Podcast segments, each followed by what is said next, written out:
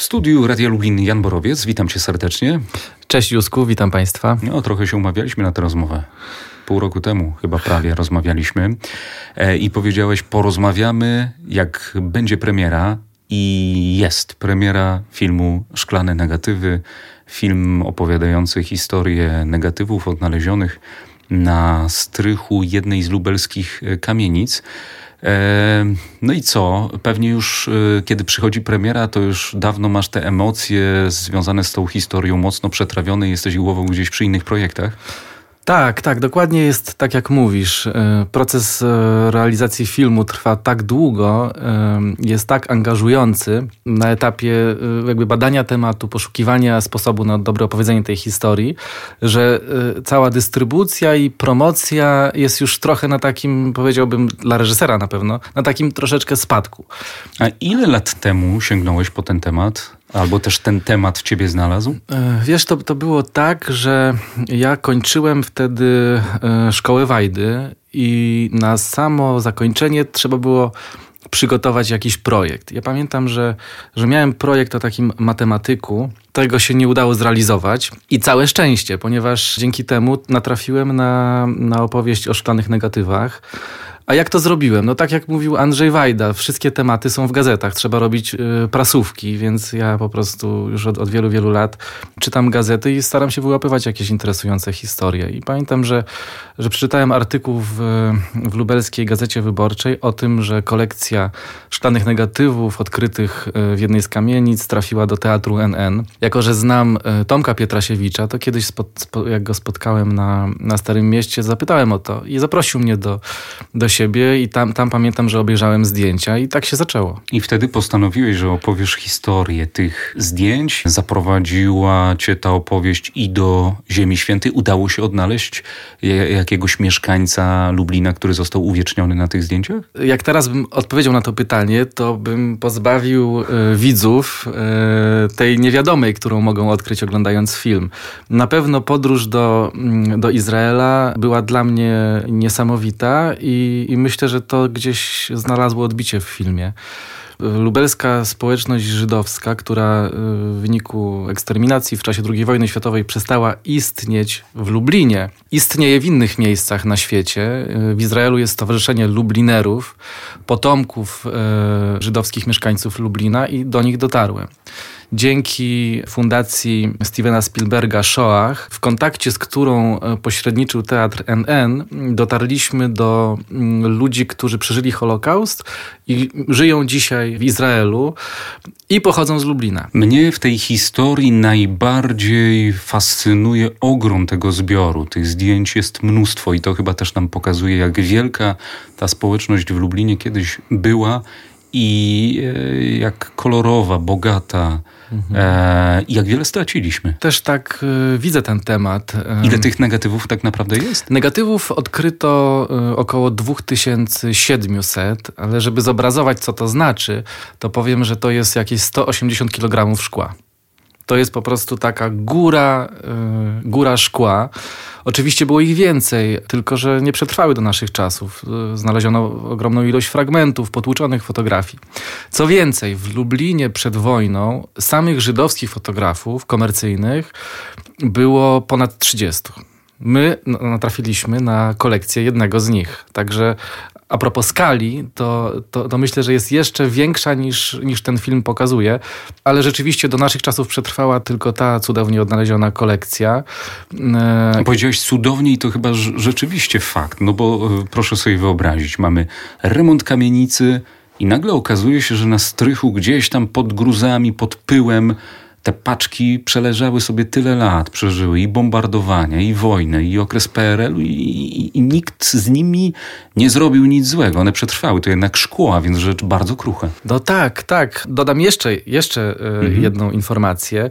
E, zdjęcia były umieszczone pod samym dachem, czyli można sobie wyobrazić, że w lecie temperatury były tam ekstremalnie wysokie, a w zimie ekstremalnie niskie. I pomimo tego zdjęcia przetrwały w bardzo dobrej e, kondycji. No to też świadczy o nośniku. Szkło jest, szkło jest bardzo dobrym nośnikiem informacji. Chyba nie ma lepszego, do dzisiaj nie wymyślono lepszego zapisu obrazu. Myślę, że należy w tym momencie y, podziękować nie wiem komu, bo, bo ta, tej osoby nie odkryliśmy, ale podejrzewam, że jeden z robotników, który y, rozbił ścianę, której miało nie być według planów budynku, zobaczył szkło i postanowił zawiadomić kierownika budowy, a nie wyrzucić to wszystko na śmietnik. Także to jest też ważne. No i jestem ciekaw, jak przebiegała ta praca. Ile lat poświęciłeś e, temu dokumentowi? To był 2015 rok. Średnio film dokumentalny w Polsce robi się około 4-5 lat. To jest normalny czas realizowania filmu. Od pomysłu po premierę, po drodze oczywiście trzeba zebrać fundusze, wymyślić jak ten film e, opowiedzieć, poznać ludzi. Zajęło to 4 lata, ale teraz film tak naprawdę trafia do odbiorców, więc można powiedzieć, że praca tego dzieła, tego filmu do, dopiero, dopiero, się, się zaczyna. zaczyna. Tak. tak, ten film się dopiero dla widzów e, rodzi, gdzie te narodziny będą miały miejsce. Premiera filmu będzie na krakowskim festiwalu filmowym w poniedziałek, 1 czerwca o godzinie 18. Poza pierwszym premierowym pokazem będą jeszcze dwa. Będzie pokaz w środę o godzinie 10, połączony z rozmową ze mną i w piątek o godzinie 22. Także będą trzy pokazy na, na krakowskim festiwalu filmowym. Film oczywiście będzie prezentowany również na innych festiwalach, ale nie jest to tak oczywiste, gdzie, ze względu na to, że, że część festiwali została odwołana, część została przełożona na, na inny czas w wyniku pandemii. To też nam trochę pokrzyżowało plany, ale bardzo się cieszę, że na krakowskim festiwalu ten film jednak zostanie pokazany w tym roku wyjątkowo w, e, online, także wszyscy będą mogli go obejrzeć e, ze swoich domów. My Państwa zachęcamy do tego, aby skorzystać z tej internetowej premiery i aby zobaczyć ten dokument na krakowskim festiwalu filmowym.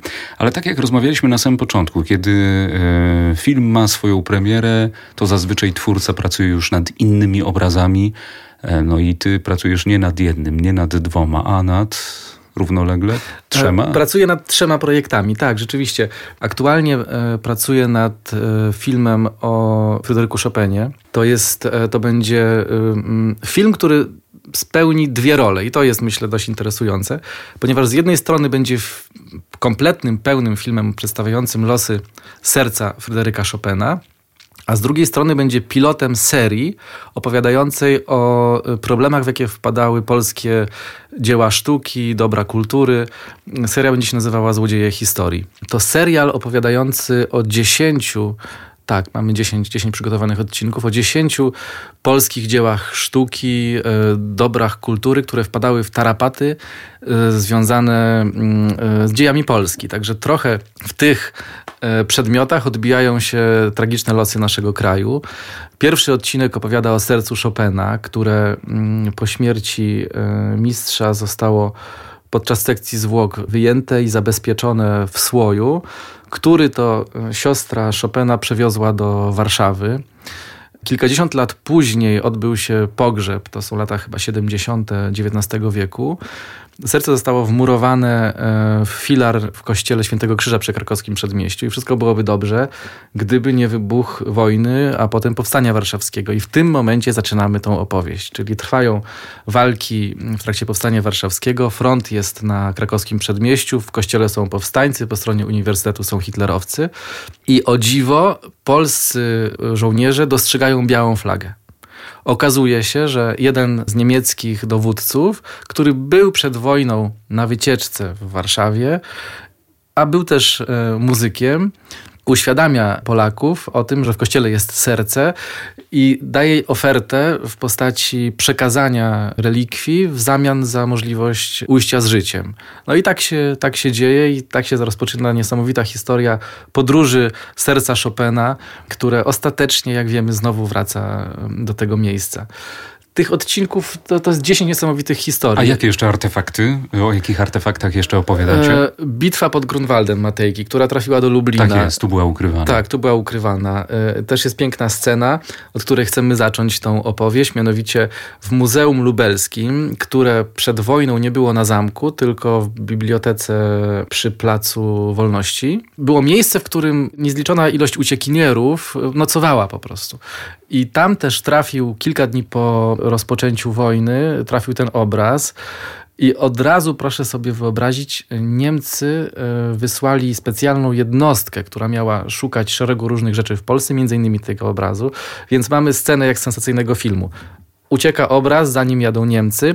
Obraz trafia do wspomnianego przeze mnie muzeum w którym zostaje czym prędzej rozłożony na podłodze. To jest ogromny obraz. On tak. ma, to jest 40 parę metrów kwadratowych. Także ten obraz zostaje rozłożony, przykryty kocami, e, łóżkami. Wchodzą na niego tysiące ludzi, dzieci, e, chorych, e, matek, starców, którzy najnormalniej na świecie biorą udział w, w ukryciu tego narodowego skarbu. Niemcy, którzy wchodzą do pomieszczenia, nie zdają sobie z tego sprawy. I też mamy całą opowieść o niesamowitych dziejach E, obrazu Matejki. Może powiem jeszcze o trzecim. Tak. Trzeci odcinek opowiada o Koperniku, a w zasadzie o jego włosie. Jest e, potop szwedzki. E, Szwedzi zdobywają Fromborg, rabują całą bibliotekę, wywożą to do Szwecji i w zasadzie można powiedzieć, że to jest koniec, ale nie, ponieważ w latach 90. XX wieku w, we Fromborku zostają odkryte szczątki siedmiu osób w krypcie. Jest podejrzenie, że jednym z tych pochowanych jest y, Kopernik, ale nie ma pewności. Świadczy o tym, że, że to on, fakt, że jedna czaszka należy do osoby, która miała, była starsza niż 70 lat i to jakby się zgadza z wiekiem, w jakim zmarł Kopernik.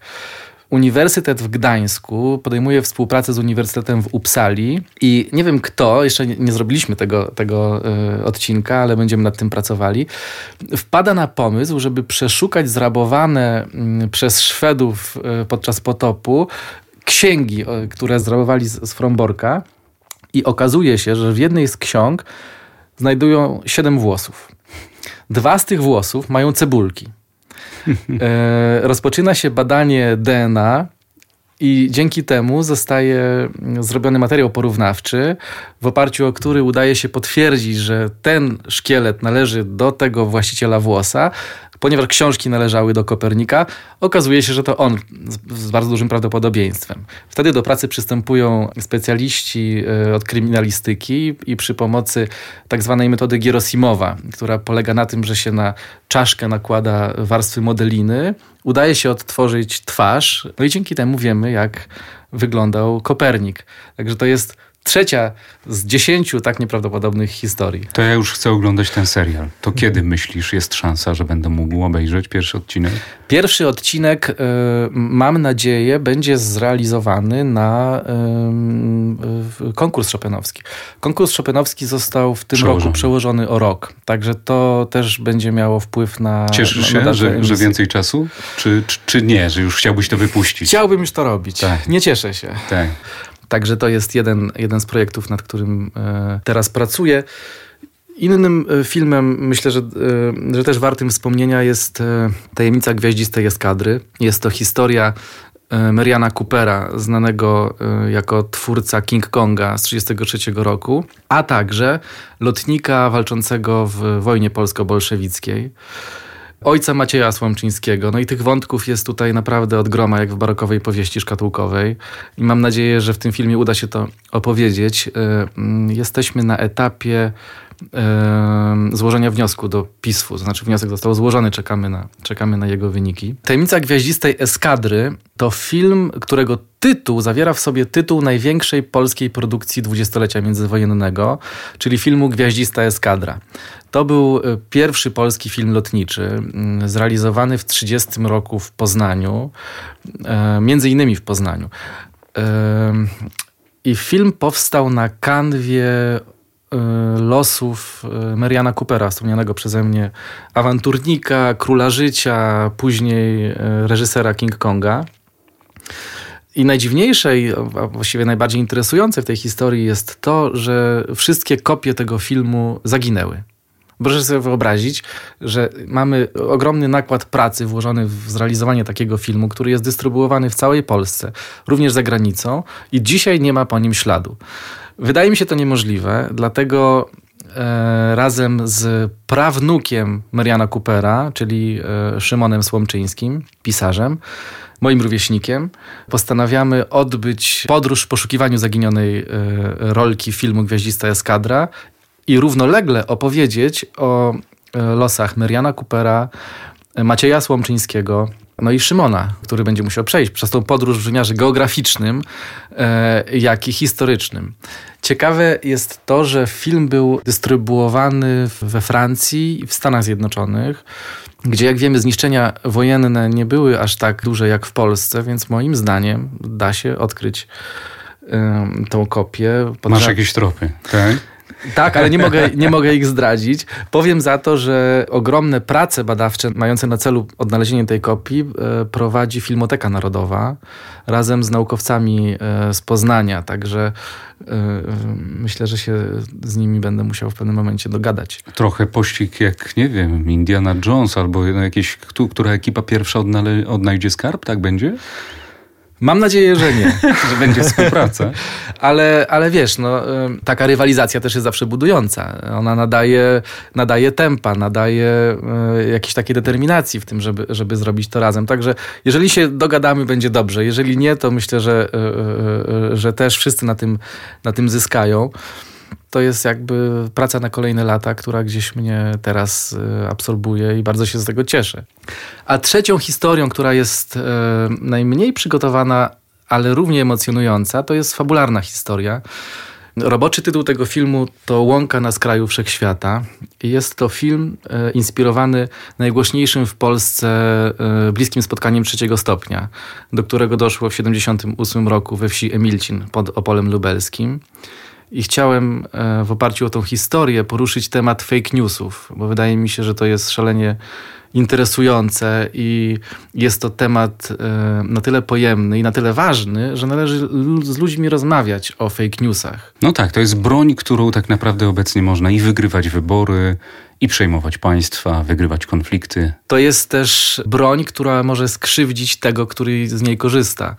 Także taki morał też gdzieś z tej historii mm, mam nadzieję, że będzie płynął. UFO PRL miała miejscowość, y, która, y, w której coś takiego się przydarzyło, ale czy naprawdę się przydarzyło, czy się nie przydarzyło.